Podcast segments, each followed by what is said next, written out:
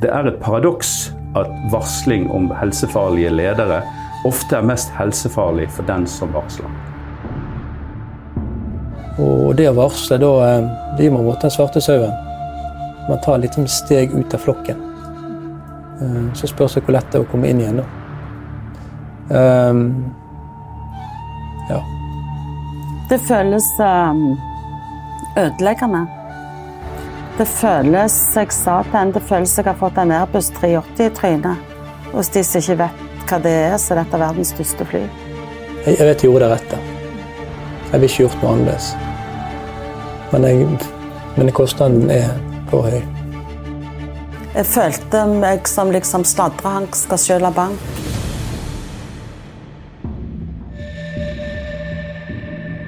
Fløyteblåserne er en podkast om varsling. Jeg heter Karine Næss Frafjord, og denne serien er produsert av Monosterio med støtte fra Fritt Ord. Varsling handler om å si fra om kritikkverdige forhold på sin egen arbeidsplass. Til noen som kan gjøre noe med det. Men hva er kritikkverdige forhold? I arbeidsmiljøloven er det definert som fare for liv eller helse, fare for klima eller miljø, korrupsjon eller annen økonomisk kriminalitet, myndighetsmisbruk, uforsvarlig arbeidsmiljø eller brudd på personopplysningssikkerheten. Varsling har en stor verdi både for arbeidsplassen og samfunnet, fordi det kan forebygge nye kritikkverdige forhold. Men Det er ganske farlig å varsle. Eh, folk mister jobben. Eh, barn til varslere blir mobbet. Folk blir syke. Eh, og de havner av og til i saker hvor de får sparken, eller de på andre måter trakasseres faktisk av kolleger. Det er ingen som liker varslere. det er ingen som liker varslere. Sosiolog Arne Selvik sier det rett ut. Og mye tyder på at han har rett. I denne podkastserien skal vi gå nærmere inn på prosessen rundt varsling, og snakke med advokater, sosiologer, psykologer og andre fagpersoner og selvfølgelig også få høre historier fra varslere og de som blir varslet på, som vi kaller omvarslet. På Bergens bruker man et uttrykk, det er mulig de bruker det andre steder også, at eh, sladrehank fortjener bank. Eh, og Det betyr at selv om forholdet er ille, og selv om det er mange som kunne tenke seg, eller som opplever og oppdager forhold de kunne ha varslet om, så er det ikke populært å være varsleren. Eh, noen påtar seg det, si, den belastningen som det er å, å varsle. De blir aldri helter. Vi er nysgjerrige på prosessen. På hva som skjer når du eller en kollega opplever kritikkverdige forhold, eller kanskje også lovbrudd på arbeidsplassen. Og hvordan oppleves det fra den andre siden, som blir varslet på? Forhåpentligvis vil denne podkasten gjennom ti episoder hjelpe deg å forstå mer om hvordan varsling fungerer, både for den som varsler, den det varsles på, for virksomheten og for samfunnet for øvrig. Men hva er status? Har vi gode systemer og kulturer for varsling? Vi starter med jussen og spør advokat Birte Maria Eriksen, som har tatt doktorgrad om varsling, og som forsker på utfordringer i det nye arbeidslivet selv om vi har hatt de første lovbestemmelsene om varsling fra, fra 2007, eh, så det, viser det seg jo hele tiden at det er eh, fremdeles et umodent felt. Det er veldig varierende kompetanse rundt dette. Og det er også veldig varierende grad av eh, rutiner og systemer til å håndtere dette. Og noe av det vanskeligste, spesielt sånn i Kommune-Norge, det er jeg det veldig tydelig, det er jo dette med, med habilitetsproblematikk. Um, man, um, man, lar fremdeles for mye av ansvaret for å håndtere disse sakene hvile på um, hva skal jeg si, på mennesker som egentlig står i Ledere, f.eks., som befinner seg i interessekonflikter. Hvordan vil du definere et varsel? Hva er det? Ehm, et varsel det er en særlig spesiell form for ytring. Men vi glemmer ofte at det er en ytring.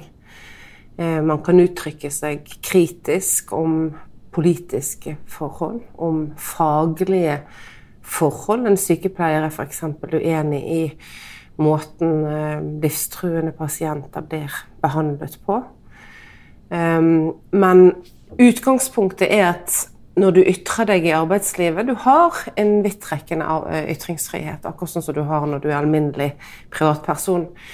Um, og ytringsfriheten i arbeidslivet går mye lenger enn det veldig mange uh, ofte tenker og tror.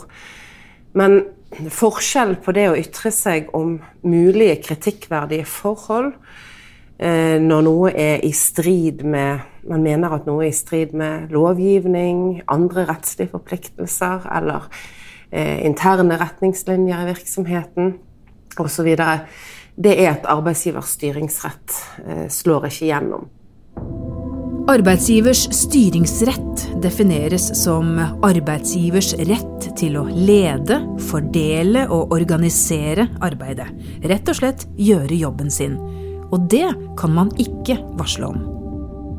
Hvis du ytrer deg om faglige eller politiske ting, så har du rett til å ytre deg, men arbeidsgiver kan si at 'takk for at du eh, sier ifra om disse tingene, men, men, jeg er ikke helt enig med deg. Men når du ytrer deg om forhold som er mulig kritikkverdige forhold, så kan ikke arbeidsgiver lenger si det. Da må arbeidsgiver faktisk ta innholdet i ytringen din på, på alvor, på største alvor. Og styringsretten til arbeidsgiver slår ikke gjennom. Mener du at noe er ulovlig eller rettsstridig, så må det undersøkes på en forsvarlig måte. Ehm, og arbeidsgiver må på en måte forholde seg til det en sånn undersøkelse vil vise. Må ytringen eller varselet fremsettes på en spesiell måte? Nei, det gjelder ingen, og det er der det ofte oppstår mange eh, utfordringer. fordi at eh, jeg ser bl.a. spesielt i Kommune-Norge og sånne ting at eh, jeg har sett rådmenn og andre ledere i, i kommuner f.eks. som sier at nei, dette er kun en bekymringsmelding, dette er kun en avviksmelding, dette er kun, dette er kun hva skal jeg si, eh, noe annet. Det er ikke definert som et varsel, det kaller seg ikke et varsel. Ergo så trenger ikke vi å ta det på samme alvor. Men det er her de ramler eh, helt utpå. Eh, for eh, en mottaker, en, en legitim mottaker av et påstått Altså en, en kritisk ytring fra en ansatt, må gå ned i innholdet i ytringen eh, før de da kan si hva dette er for noen ting. Man må forholde seg til innholdet i ytringen. Påstås det noe som kan være et mulig kritikkverdig forhold, så skal det behandles som et varsel, uavhengig av hva som er merkelappen på det. Dette betyr at det er lav terskel for å varsle i Norge. Den som mottar varselet, har etter arbeidsmiljøloven en undersøkelsesplikt og en omsorgsplikt. Når arbeidsgiver mottar en kritisk ytring fra en ansatt, så utløses det, eller med, med, med påstand om noe, at noe er kritikkverdig, så utløses det nå en, en, aktivitetsplikt for arbeidsgiver til å foreta en forsvarlig undersøkelse av det det eh, si, sies ifra om. Eh, og en plikt til å ivareta den som har fremsatt den kritiske ytringen. Så nå er det ganske klart i lovverket hvordan en sånn mottatt kritisk ytring skal, eh, med, om et mulig kritikkverdig forhold skal behandles. Rådgir du klienter som kommer til deg? Altså, skal jeg varsle, skal jeg ikke varsle? Ja, det har jeg gjort flere ganger. Um, og det er noe av det jeg virkelig spør om da, det er det Vet du hva du gjør? Vet du hva du risikerer? Hvordan er ekteskapet ditt? Eh, familielivet ditt? Hvorfor spør du om det? Jo, fordi at eh, jeg eh, Hvis du f.eks. lever i et, i et, forhold hvor, som allerede har utfordringer, f.eks., så er ikke en varslingssak den beste medisin ofte for å redde hus og hjem og ekteskap. Du må ha, men jeg har også sett eh, si, vakre historier knyttet inn i, i, alvorlige varslingssaker, hvor det å stå sammen, støtte hverandre, støtte en ektefelle eller en samboer gjennom en sånn prosess, har brakt folk nærmere sammen. Um, fordi at man har fått en sånn Det har blitt et sånt felles prosjekt eh, på, på et vis. Um, så, men du, du bør ha det stabilt rundt deg. De som gjør dette, eh, ofte er som regel er mennesker med høy grad av integritet. Det er ofte mennesker som har mye kompetanse på sitt felt. Um, de, de, reagerer sterkt på urettferdighet. Uh, og de har veldig sånn omsorg der man varsler om noen uh, hvor svake personer blir uh, utsatt for ting. Om det er psykisk utviklingshemmede eller rusmisbrukere eller pasienter. Jeg har vært borti en del sykepleiere for eksempel, som har varslet i, både i kommuner og i, i helsesektoren for øvrig om behandlingen av gamle, syke, døende. Det kan altså være både ensomt og helsefarlig å varsle. Og selv om vi har lovbestemmelser som skal ivareta varsleren, finnes det tallrike eksempler på at varslingsprosessen kan bli vond og vanskelig. Så dersom man opplever kritikkverdige forhold eller lovbrudd på arbeidsplassen, vil kanskje det enkleste være å lukke øynene og håpe at noen andre tar tak i det. Eller burde det finnes en annen løsning som gjør det lettere for enkeltindivider å varsle? Sosiolog Arne Selvik har konkludert. Min anbefaling det er at det er ikke enkeltindivider, enkeltansatte, medarbeidere som skal varsle, men organisasjonene må ta en større rolle. Eh, fagorganisasjoner, andre typer interesseorganisasjoner, profesjonsorganisasjoner må i større grad ta den rollen. Fordi at på den andre siden av varslingen så er det en bedrift. Der er gjerne en daglig leder, en direktør, en sykehussjef, en redaktør osv. Så, videre. så på den andre siden, der som varselet er rettet mot, og hvor grunnen til varslingen har oppstått, der er det en organisasjon som tar seg av eh, påstandene, undersøkelsene, granskingene, alt det som skal til. Mens den varsleren er da en, en enkeltperson som ikke kan varsle om sine egne forhold, men som kan varsle om det som skjer i organisasjonen, i bedriften, på sykehuset, i avisredaksjonen. Slik at der igjen er en asymmetri. Jeg snakket om en maktasymmetri mellom lederen og den ansatte. Men det er tilsvarende ubalanse mellom organisasjonen. For der har de et styre, de har en rektor, de har en administrerende direktør osv. Det er veldig sjelden at de enkeltvis blir straffet. De kan få f.eks. en bot, men det er en foretaksbot. Det er altså bedriften som betaler det av sitt store overskudd. Merkes ikke. Men den varsleren blir jo merket for livet. Noen kommer seg videre, noen får seg andre jobber, noen fortsetter å være i media og tåle det. Men så er det alle de som ikke tåler det. Du sier at en varsler blir aldri en helt. Mm. Men hvorfor ikke, egentlig? Når mm. en varsler ofte påpeker et problem som mange er en del av. Mm. Uh, det ligger noe i uh, uh, si, En side av det kan være at det kan virke som det er en form for hevngjerrighet.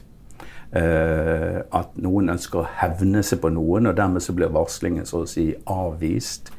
Um, man blir ikke trodd.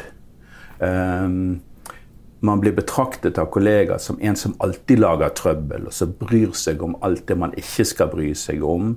Så liksom at utgangspunktet, varsleren, er i utgangspunktet kanskje en person som bryr seg mer enn gjennomsnittet, som gjerne blir da verneombud eller eh, fagforeningsleder osv., som er en som bryr seg mer enn folk flest om at ting skal være på stell. og man skal ikke eh, svindle, og man skal ikke trakassere osv.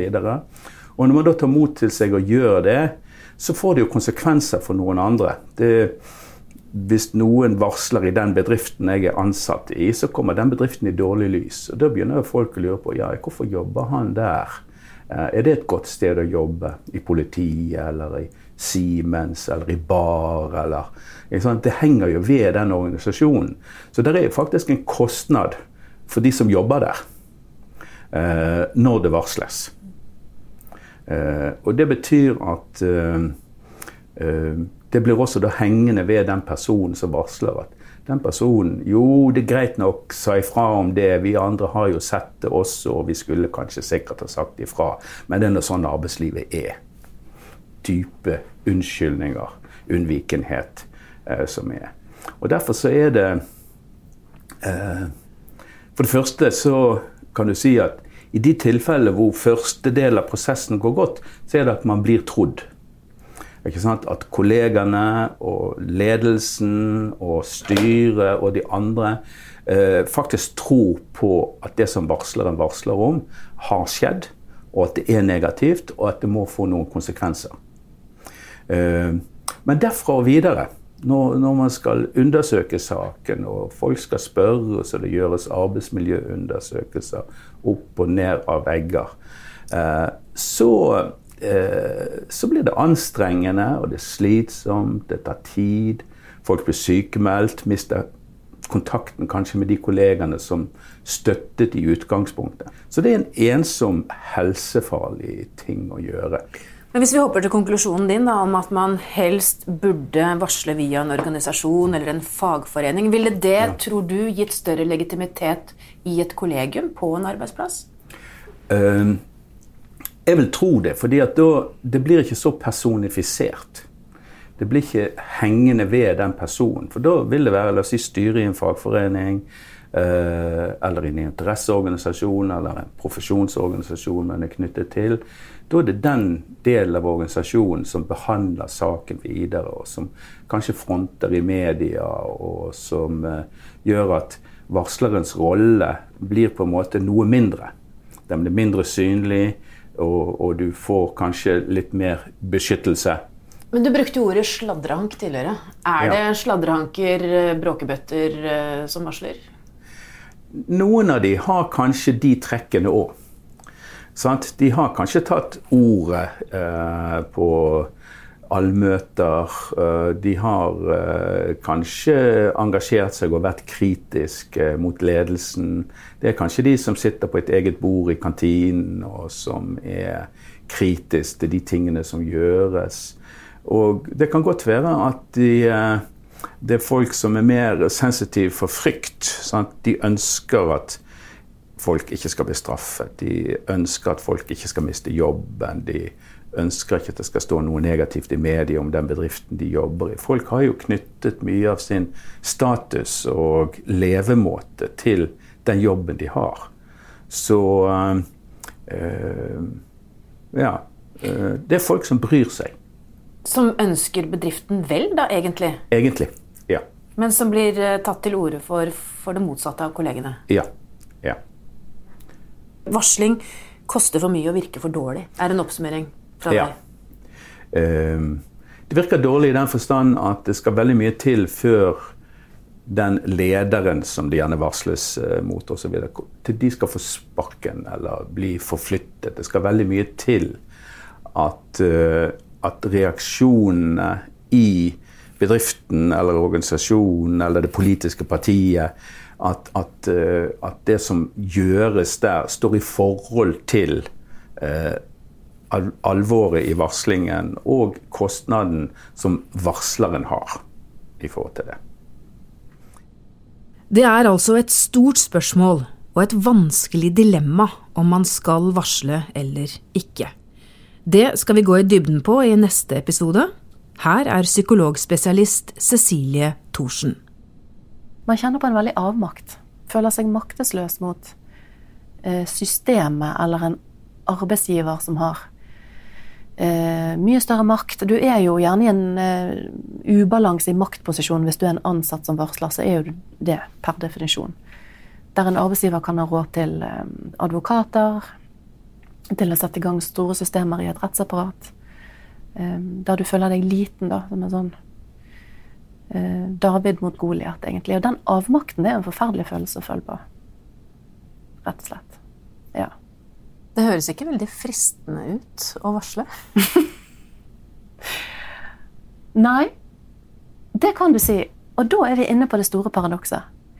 Eh, at for noen varslere, ikke alle, og ikke de fleste, det må jeg bare gjenta eh, For de fleste varslere så går det jo bra.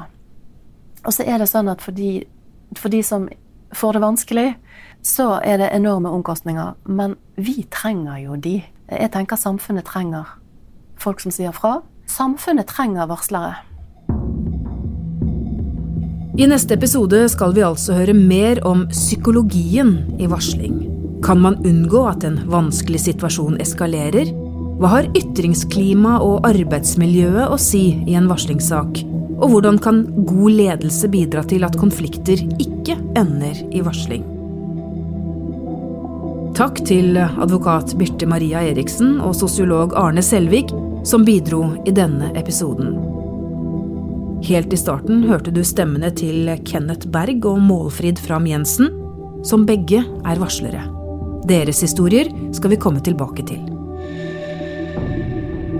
Du har hørt Fløyteblåserne, en podkast om varsling. En serie i ti deler, produsert av Monosterio med støtte fra Fritt Ord.